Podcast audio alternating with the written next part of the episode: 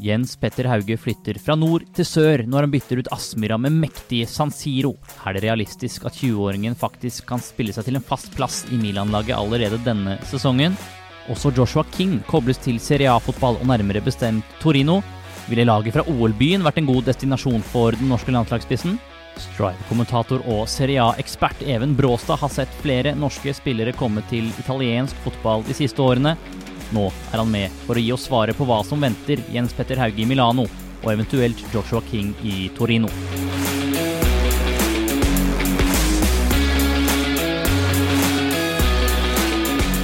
Ja, vi har med oss deg, vi Even Bråstad, Strive-kommentator, men først og fremst ekspert på italiensk fotball. Velkommen skal du være. Tusen hjertelig takk for det. Hvordan er det å være eh, glad i italiensk fotball om dagen? Nei, Nå er det veldig fint. Det er, man er ikke bortskjemt med at liksom, nordmenn fokuserer uh, på Italia, og at det norske store mediehuset tapetserer fronten med Serie A-stoff. Men nå har det vært det et par dager, og det, det godter vi selvfølgelig med. Det gjør vi. Det er uh, det nydelig. Det skrives mye om engelsk fotball i Norge. Nå har, nå har man Haaland og Sørloth i Tyskland, så tysk fotball har fått en oppsving i Norge. Absolutt. Du har Rødegård i Spania, og etter hvert så har det kommet en del nordmenn, men nå skal vi jo snakke om Jens Petter Hauge, som når lytterne hører dette, etter all sannsynlighet er klar for Milan. Om ikke veldig snart klar for eh, det som på mange måter er en av Italias store klubber. Mm. Hva tenkte du da du Vi kan ta først da du så Jens Petter Hauge mot Milan i eh, Europaliga-kvalifiseringa. Hva tenkte du da? Nei, du tenker jo det at det er en spiller med en selvtillit som uh, ikke kjenner grenser om dagen.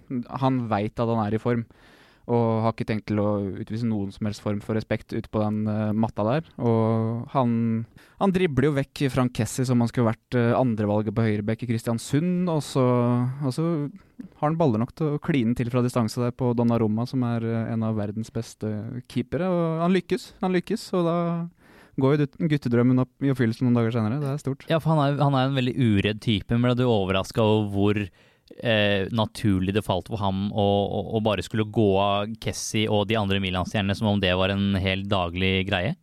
Ja, jeg, vi, vi var innom det. Vi har en podkast om serien, og vi var innom det i den episoden uka i forveien at Calabria og Jens Petter Hauge det kunne bli en interessant duell. Fordi Milan defensivt på høyrebekken det har vært et litt sånn ankepunkt. Så vi var innom det. Han er den som kan skape trøbbel.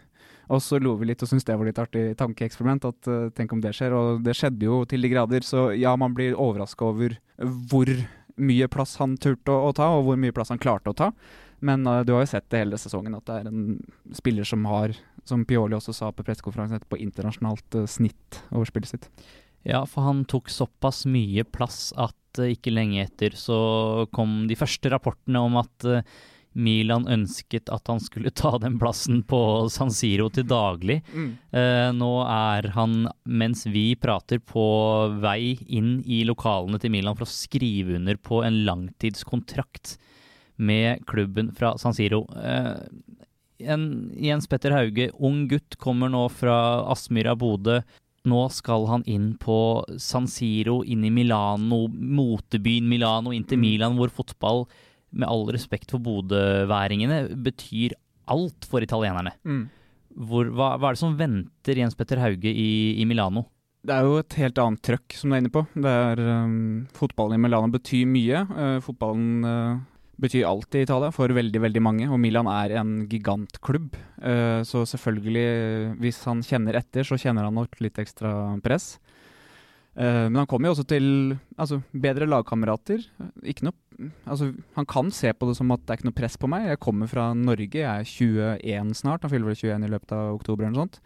Det er bare å fortsette i den takten han er i. Han var inne på det i, på den pres pressekonferansen de holdt på Aspmyra i forbindelse med landslagsuttaket også, at jeg vil dra nå, for jeg er i form. Han veit det sjøl, at det er nå jeg har momentum. Og Nei, jeg, jeg tror han kommer til å takle den overgangen bra. Men det er klart det er en stor overgang. Både sånn flytte for seg sjøl for andre gang. Han hadde en tur i Ålesund. eh, men noe helt annet er å flytte til Milano. Det er jo klart det er en stor overgang, og en større liga, større klubb, mer press, alt. Ja, for han, har jo, han var jo nærmest klar for Cercle Brygge tidligere i, i sesongen. Da valgte han å, å, å takke nei, for han ville være med på det Glimt-eventyret og bli værende i Glimt ut sesongen. Så Mm. skjer jo ting, eh, ting fort. Eh, men så har det også vært spekulert i om han ok, skal han gå til Milan, men bli lånt ut til Glimt ut sesongen. Mm. Men så sier han som du sier på den pressekonferansen, at det er nå han er i form. Mm. Eh, sammenfalt med hvordan Milan-laget og spillertypene de har nå, tror du det er et godt valg å bare dundre på med en gang fordi han er i så god form? Ja, absolutt. Og det som er nå, hvis, du, hvis det er virkelig effektivitet i den signeringa av den kontrakten han kommer i gang, så er det den beste uka han kan signere for Milan på veldig lenge. Fordi Zlatan er ute, og Ante Rebic er ute. Og det er eh, en spiss og en venstrekant. Og det som skjer da, er at Ante Rebic, som egentlig er venstrekanten i, i Milan-laget, han vil jo egentlig vikariere for Zlatan når Zlatan er borte. Men når Zlatan og Rebic er borte, så er det en annen kantspiller, kanskje Rafael Leao, som øh, vil spille spiss, hvis det ikke er en unggutt. Og da åpner det jo seg flere muligheter for Haugen òg. To kamper på fire dager. Det bør rulleres. Han er i form. De har vel kanskje uttrykt at de har lyst til å ha med til Portugal, det spørs om de rekker det. Men uh, perfekt tidspunkt for han å komme inn på. Samtidig får han jo da Det er vel Spezia de møter først. Mm. Etter det kommer kanskje den største kampen for Milan-fansen i sesongen, når Inter venter. Mm. Det gir han også muligheten til å komme litt inn i laget og få en uke Han får vel over to uker da, i så fall. Ja, så er det landslagspause imellom. Ja. Mm. Så han får, men han får i hvert fall litt tid til å, å, komme seg litt inn og bli kjent med klubben før det enorme oppgjøret i Italia. Mm. Ja, og nå skal det jo før den kampen òg være et nytt møte i Italia om, om man skal slippe inn flere tilskuere. Så det kan jo Det blir jo ikke fullstappa, det blir det ikke. Men man kan jo se for seg at det kanskje blir noen tusen og litt trøkk rundt det. Men uh, i det hele tatt å være en del av en Milan-tropp til et oppgjør mot Inter, det er uh, gigantisk. Så, men det blir spennende denne uka her å se hvordan han kommer ut av startblokkene. Om han får være med til Portugal, uh, og om han da får spille på søndag mot Spezia klokka seks. Du nevner jo nevner Zlatan Ibrahimovic som testet positivt på, på koronaviruset. I tillegg ble, gikk jo Ante Rebic ut med det som mange måter var skrekkskade. Så, Ja. ikke, så ikke pent ut. Men øh, hvilke spilletyper er det Stefano Pioli har i dette Milan-laget? Hvordan, hvordan ser du på mulighetene til Hauge å kunne spille seg fast inn i det laget her allerede umiddelbart etter at han har satt signatur på, på Milan-papirene? Nei, Det blir nok tøft, for det er mye bra spillere der. Men uh, han passer inn der. Uh, de spiller, Pioli spiller en 4-2-3-1-formasjon. Eh, med da Rebic som nevnt, som egentlig det første valget på venstrekanten. Så i likhet med Haugen høyrebeint spiller som har spilt ute til venstre. Uh, Hakan Shalanoglu i tierrollen og Zlatan på topp. Og så er det en høyre kantposisjon som er langt mer åpen. Og han kan jo også spille høyre Nå har vi ikke sett Hauge så mye som høyrekant, men uh, man kan se for seg at han også kan bekle en sånn rolle. Det tipper jeg også Milan tenker. At en høyrebeint kant med den uh, evnen til å utfordre kan også passe på høyrekanten. For det er der Milan har hatt et lite problem. Det er der det er en ledig plass i startoppstillingen, sånn du ser, hvis du ser på det laget nå. Og det er en fire-fem stykker egentlig som kjemper om den posisjonen. Men han eh, Det er bare å Hvis man starter godt der, så kan det, kan det fly, det. Men mm. det er eh, det er i hvert fall den posisjonen jeg tror han har muligheten til å spille seg inn i. Men det er klart det er spillere på et høyt, høyt nivå han kjemper mot her. Vi har jo sett uh, livebilder av når han har landa i Milano nå. Det er, eh, selv om det er uh, avstand og, og koronavennlig, så ser jo det er, det, det er stort å se en ung norsk gutt som bare denne sesongen her har eksplodert. Plutselig nå stå utenfor lokalene til en av det som tradisjonelt er en av verdens største klubber. men det er jo, uh, Man kan si at Jens Petter Haug er veldig trygg på seg selv og virker ikke å være spesielt redd for noen ting og stole på seg selv, men nå kommer han fra lille Bodø, uh, lille Norge på mange måter, inn i et enormt system hvor Mm. det er helt andre rammer. Hvilke utfordringer ser du på som de største sånn umiddelbart for Hauge i Italia? Ehm, språklig barriere er vel det første. For det aller meste der foregår på italiensk. Der, er det, der må du kunne italiensk, eller Ja. så er du Og det er de opptatt av, og det er egentlig en sånn kjent sak i Italia at ut, utlendinger bruker litt tid på å spille seg inn i italienske lag fordi språket er viktig for dem. Så det blir eh, Du har sett flere av de som har dratt nedover. Haita Malasami, Morten Thorsby. Vært eh, nøye på det. Lært seg språket veldig, veldig tidlig. Begge de to visste jo at de skulle til Italia en stund før de dro, og lærte seg det mye i forkant. har Det, det får jo ikke Hauge det nå. ikke Hauge gjort. Men at han i hvert fall eh, er litt framme i skoa der ganske tidlig, det er viktig for å forstå rett og slett hva som foregår. For der foregår på italiensk. Men du, nå, nå hører man jo godt, uh, siden det ikke er tilskuere, så hører man jo godt trenerne på sida, og du hører Også Pioli gir beskjeder på engelsk. altså Det er ikke sånn at du, du snakker for, for dører. Men uh, det er klart en kjempefordel om man lærer seg språket, og det er nok den største utfordringa.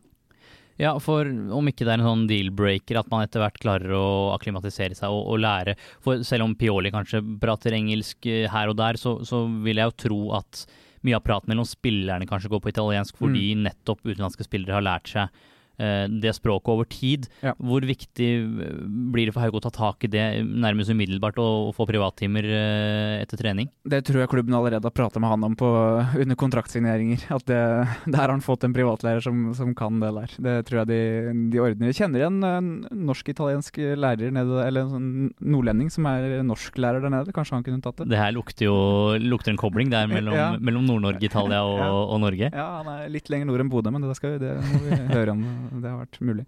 Men det er jo et Milan-lag som vi har snakka om tradisjonelt sett er en av de største klubbene både i Italia og verden. De har jo eh, ligget sånn halvveis med brukket rygg, men nå er de jo på vei oppover igjen med, med mm. Stefano Pioli. Vi så det jo, Mange nordmenn så dem sikkert mot Glimt uten at de spilte noe mm. kjempekamp der. Men kan du ikke si litt om hvor er det Milan står i øyeblikket?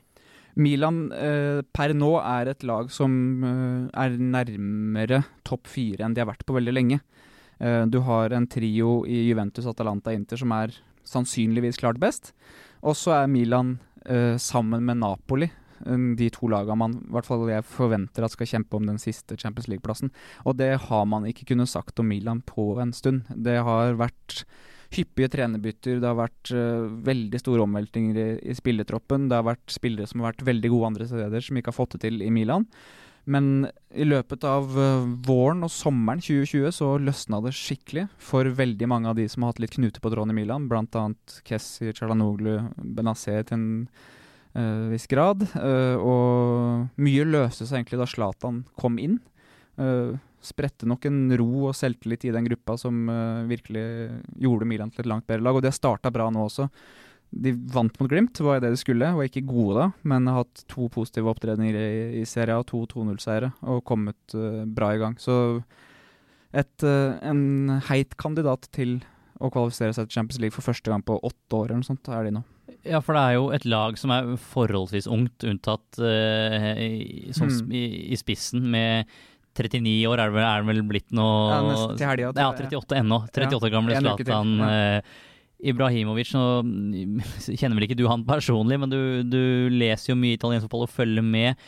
Hvor viktig tror du han kan bli for Jens Petter Hauge, som nå kommer inn som ny fersking, ikke kan språket, men samtidig kan prate med, mm. Zlatan på morsmål? Det er en kjempefordel for han at uh, han kan prate med Zlatan Ibrahimovic. For Zlatan Ibrahimovic er helt utvilsomt den viktigste personen i den spillergruppa. Uh, det ser du hver eneste gang han er på banen. Han, det er han uh, han spillerne går til. Det er han de unge sender lange blikk til. Vi har sett noen eksempler på det i sosiale medier, med spesielt Rafael Leao. Men han er en sånn samlende kraft i den garderoben.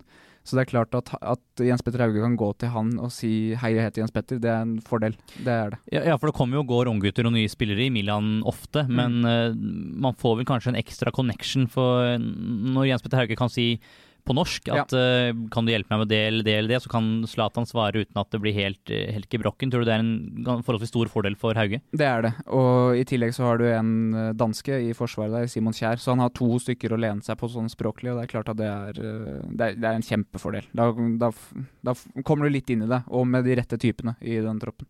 Tror du Jens Petter Hauge blir en hit i, i Milan? Jeg har veldig lyst til å si ja, og jeg har veldig vanskelig for å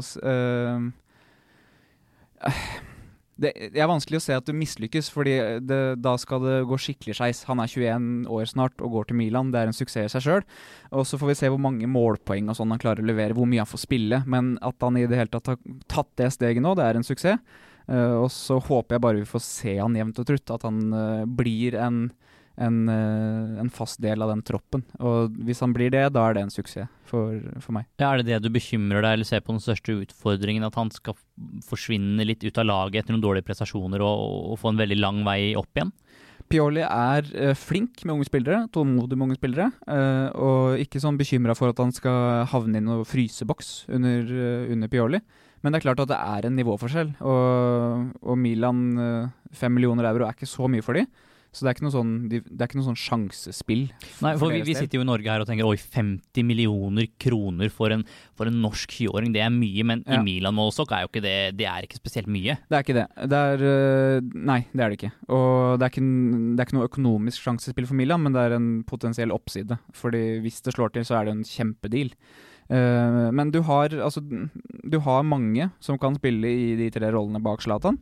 Uh, Kommer de til Europaligaen nå, som de skal, ved å slå ut Rio så tror jeg det vil bli sjanser. For han er en spiller som Milan-gutta har sett på nært hold hva han kan få til. Og når han kan få det til mot Milan, så kan han selvfølgelig få det til mot Spezia og ja, Odinese og Parma og de laga der. Jens Petter Hauge fikk det til mot Milan, han selv med en halvveis strekk i, på baksiden av låret, var det vel han avslørte i etterkant. Vi, mm, vi, vi, følger med Hauge, selv om vi lar han gå akkurat her nå. For vi skal over til en annen uh, norsk landslagsspiss. Hauge ble jo tatt med i A-lagstroppen for første gang mm. uh, tidligere denne uka. Der er jo også selvfølgelig Joshua King. Mm. Uh, fortsatt Bournemouth-eiendom, men har jo Det lukter jo et klubbskifte der. Og tidligere denne uka her kom det jo plutselig meldinger fra Gianluco Di Marzio, som er en av de mest troverdige journalistene ja. på Overgangsnytt, spesielt i Italia. Det er jo han og Fabrizio Romano. Ja, Og begge har meldt det. Ja, mm. har meldt nå at uh, Torino skal uh, ha forhørt seg om, uh, om King. Mm. Hva, først, hva tenkte du da du så det? Nei, Da begynner du å lure på hva som skjer nå, for det var jo samme kveld som du skjønte at Hauge-ryktene var ikke bare rykter, det her kommer faktisk til å skje. Og man venta bare på at han skulle fly ned, så plutselig dukka det opp at Joshua King er i, eller at de var i samtale med Torino, og så er det et lite, et, en liten vei å gå fra samtaler til at det skjer noe. Men uh, som Serie A-mann så må jeg si at la det skje. Uh, Joshua... Man klype seg litt i armen da de to kom så tett? Ja, man må det. Og Joshua King til Torino i et tospann med Andrea Bellotti på topp, det, det, gjør, det blir uh, Det kribler. For hvis Torino henter King, så er det ikke for at han skal være stallfyll. Han regner Jeg vet ikke akkurat hva han tjener i Bournemouth, men Torino og italienske klubber har ikke råd til å ha sånne type lønningsutgifter uten at det skal være en spiller de satser på. Så hvis han kommer og ligger på rundt samme lønnsnivå som han gjorde i England, så er det for at han skal skinne sammen med Belotti på topp i en 4-3-1-2. Og det er en duo jeg har lyst til å se sammen, det må jeg bare si. Ja, for det er, eh, Joshua King er jo en alder hvor han sikkert nå prioriterer han å spille. Han har vært kobla til mye mange gode Premier League-klubber uten at det har virka som at det har materialisert seg noe, noe voldsomt. Nå det, når denne episoden slippes, så er det bare noen dager igjen av overgangsvinduet. Mm. Uh, som sikkert betyr at Joshua King trenger å få fortgang på litt ting. Så nevner jo Belotti, Andrea Belotti er vel en kulthelt i, i Torino, så vidt jeg har eh, skjønt. Ja, uh, sjef. Ja, uh, Men som du sier, de spiller jo med to spisser, så det er plass ved siden av han. hvordan passer Torinos spillestil med en spillertype som, som Joshua King? Uh, det passer bedre nå enn det ble gjort for noen år sia. For King har jo, spesielt på landslaget, syns jeg utvikla seg veldig i, i, å ta del i spillet som en spiss nummer to. Uh, og der vil jo Andrea Belotti være mannen som først og fremst skal jage rom i boks. Og så kan han være mer uh, oppsøkende spiss, ballbesittende spiss. Marco Giampaolo som tok over Torino i, i sommer, en trener jeg har veldig sansen for. Spiller 4-3-1-2, hadde veldig suksess med det i Sampdoria før han mislyktes med det i Milan forrige sesong og fikk fyken ganske tidlig. Men det er også den treneren som trente Sampdoria da Qualerella bøtta inn mål, uh, som veit hva som skal til for å få de offensive relasjonene til å funke. Og de har, bra, de har en bra midtbane. De har, en, de har to mulige varianter i den T-rollen. De har Belotti, men de mangler én sånn god spiss nummer to. For Simone Satsa, som er der nå, som mange sikkert vet hvem er etter oppholdet i Juventus, Valencia, Westham og noe tripping før en straffe i et EM-sluttspill. Det er kanskje det folk husker mest eh, etter. Ja, han, eh, han, har jo vært relativt iskald i, i Torino, tror jeg, og har vært på vei ut tidligere. Og hvis King kommer, så er det han og Belotti på topp. Det ja, for det er et Torino-lag som vel underpresterte litt forrige sesong, med en 15.-plass som vi prata om før. Ja, rundt der et sted. Ja, Men det er vel et lag som er på papiret bedre enn en det? Ja, Absolutt, og de bør, eh, de bør ligge rundt sånn 9.-10.-11., eh, basert på den troppen de har. De har en eh, solid tropp og nå en god trener. Det skjærte seg litt forrige sesong med Walter Mazzari, som hadde vært der lenge. Var nok ja, litt slitne omgivelser og litt sliten trener til slutt. Og så var det en uerfaren mann som tok det hele veien inn, og det holdt jo. Det rykka jo ikke ned, selv om det var halvfarlig. Men Torino definitivt en klubb som, som bør høyere på tabellen enn det de var forrige sesong. Men uh, Joshua King, en spiller, du nevner jo Simone Satat som er uh, iskald. Uh, kan Joshua, inntreden til Joshua King være noe som kunne vippa Torino opp til en plass i Europa? Eller er det et stykke unna der ennå? Det er veldig sånn som det ser ut i Italia nå, så er det veldig forskjell på uh, i mitt hode de tre beste, uh, og et lite sprang ned til de to som følger, Milan-Napoli. Mm. Og så har du uh, Roma-Fiorentina som, og Lazio, som er en, også i den europabollen. Og de åtte laga der per nå er så sterke at det skal noe spesielt til for noen underfra å slå seg opp dit.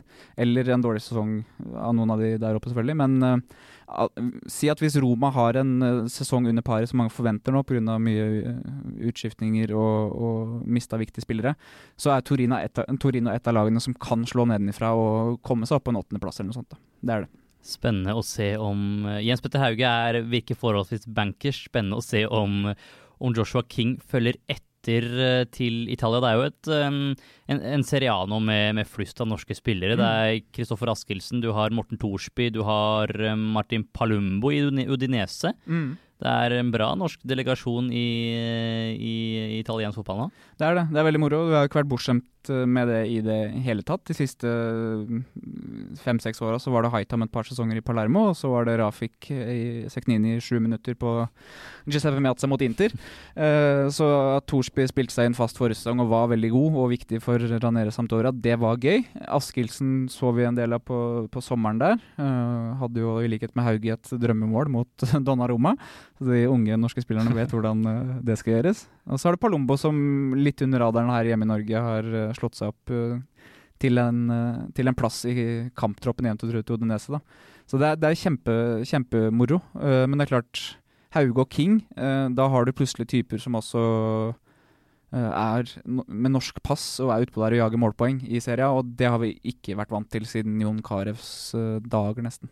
Nei, for det er litt urettferdig mot forsvarsspillere og, og ofte også midtbanespillere. Men er, man ser jo det at det blir en spesiell attraksjon når du har spillere som markerer seg framover på banen med, ja. med mål. Ja. Selv om det på mange måter er urettferdig mot keepere, forsvarsspillere og folk som ikke nødvendigvis jager mål hele tiden. Men det er jo realiteten. Ja, sånn er det jo. Sånn som Morten Thorsby, han det blir jo ikke titler i tabloidmediene at han løper 13 km og, og, og, vant 17 eh, luftdueller, selv om det var ekstremt viktig for at de slo de laga de slo for å holde plassen. Han var kjempeviktig for Sampdoria, men det er som du sier at det er jo ikke det dere mediene helst Det er jo ikke det folk vil lese om. Det er jo at Jens Petter Hauge skjærer inn fra, fra venstre og, og, dunker den bort til lengste. Det, er, eh, det selger jo bedre. Nå ser det ut som vi får en fin, eh, en fin miks av av spillertyper i, i Norge. Thorsby har jo vært meget god for Sampdoria og mm. fått en bra standing i, i Italia. Eh, vel fortjent. Vi mm, begynner å, å nærme oss eh, en ende. Vi, Even, vi skal ta med oss eh, noen spørsmål fra våre lesere som har sendt inn i vår overgangslive. Vi kan begynne med et spørsmål om Inter, hvor det er en som spør om, om det er noen rykter om nye venstrebacker til Inter. Per i dag har de bare Kolarov som full venstrebenk, mens Ashley Young har spilt litt der før, men som nå er eh, flyttet et hakk fram på banen. Ja, uh, Young kommer nok til å spille en del venstre wingback, tror jeg. De spiller jo fortsatt 3-5-2. Kolarov tror jeg kommer til å spille mest stopper, egentlig, i det intersystemet. At han er henta litt fordi han kan bekle begge posisjonene. Og så har de også Dalbert, som kom tilbake igjen nå da, etter et opphold i Fiorentina. Uh, som også kan spille venstre wingback. Uh, Samoa tidligere Juventus er også i troppen, selv om det er litt vanskelig å si egentlig helt hva som skjer med han, for han har ikke spilt siden, siden i fjor. Men uh, de har alternativer der. Og, men jeg tror Conte liker det han får av Ashley Young på den wingbacken, at han kommer til, å, kommer til, å, spille en del, faktisk. Men uh, Kolarov var et fullgodt alternativ. Da beveger vi oss heller videre. Det er et spørsmål vi ser ofte at det er mange gamle i anførselstegn og erfarne spillere som vender til Italia og ofte har en viktig, robby, eh, viktig, rolle i klubben, selv om de har blitt avskrevet andre steder. Er det noe med spillestilen i Italia som gjør at spillerne som ikke er så kvikke til beins, fortsatt får utnyttet all kunnskapen de har? Og hvordan påvirker det utviklingen til spillere som Hauge å ha en spiller med erfaringen til f.eks. Zlatan Ibrahimovic? Nei, er, uh, Italia har jo blitt en sånn uh, gam, gamlehjemliga. No, altså vi har, det er noen serierunder forrige sesong som like så godt målskårerne kunne vært fra 2009. altså Hvor Pazzini, Quagliarella Vintage fotball. Ja, er, jeg syns det er helt nydelig. Og Zlatan skårer samme runde, og så kan du slenge på Balotelli også, som også var i, i, full gang for ti år siden. Men det er klart, det er litt som du var inne på i spørsmålet også, det er en litt mer sånn statisk stil. Uh, hvor angrepa gjerne varer litt lenger enn du ser i Premier League. Så det er en annen type fotball. Og sier, de sier jo det, uh, de som kommer inn i serien at, uh, fra andre ligaer, at det er en mer taktisk liga. Så det er mer fokus på det taktiske. Og da er det klart at da, hvis du har spilt fotball i 20 år, så kan du kanskje mer enn om du har spilt i 10. Og kan være grunn til at sånn som Zlatan fortsatt funker. At Luca Toni og Quagliarella ble toppskårer i ligaen selv om de nesten var 40. Uh, ja. Nå er det jo fortsatt uh, folketomt også på tribunene i, i, Italia, men når det åpnes for, for tilskuere, bare for å ta det helt til slutt mm. uh, hva er det som venter Jens Petter Hauge på San Siro? Du har jo Corvasod, som er, som er verdenskjent, og en klubbhymne som ikke står tilbake for mange andre hymner i uh, fotballverden. Mm. Uh, hvilken opplevelse venter Jens Petter Haugen når han skal løpe ut etter hvert på et fullsatt San Siro som Milan-spiller? Nei, er, Nå har det åpna litt for tilskuerseere. Altså, nå var det rundt 1000 på tribunene forrige. Uh, så håper vi at, at, utviklingen i samfunnet er så bra at man kan åpne mer. Men et fullsatt San Siro Eh, det er noe av det villeste jeg har opplevd, i hvert fall som, som tilskuer. Eh, og var på Derby de la Madonnina for to år siden. Og det trøkket som er der, er helt eh, Det er helt vilt. og så er det et kravstort publikum som lar, lar deg høre det hvis, er, hvis de er misfornøyd. Og så vil man nok oppleve i Italia i større grad enn f.eks. England at det er litt mer sånn uh, varierende stemning på stadion. At du merker veldig veldig forskjell på hvem de møter og når på dagen det er. Det er lunsjkamper på søndag, så er det gjerne litt roligere. Uh, men uansett, et fullstands San Siro er, er, vakkert. Og særlig hvis du får på en stjerneklar himmel under flom, flomlys, så blir det, der, uh, blir det der helt nydelig. Det. Jeg gleder meg til å se nordmann i Milan-trøye på kveldskamp på San Siro. Jeg tror vi runder av med bildene av uh, et fullsatt San Siro under stjernehimmelen i Milano. Forhåpentligvis med Jens Petter Hauge på en av kantene også. Det var uh, hyggelig å ha deg på besøk, Even, og ha deg til å kunne øse ut din kunnskap om, uh, om italiensk fotball. Takk for at du fikk komme. Veldig hyggelig. Så håper vi og tror vi at Jens Petter Hauge er enten annonsert eller rett rundt hjørnet når du hører på dette her. Vi, eh, vi sier takk for følget, eller hva er det man sier i Italia? Er det ciao? Ciao. Arrivederci. Arrivederci. Vi eh, høres neste gang.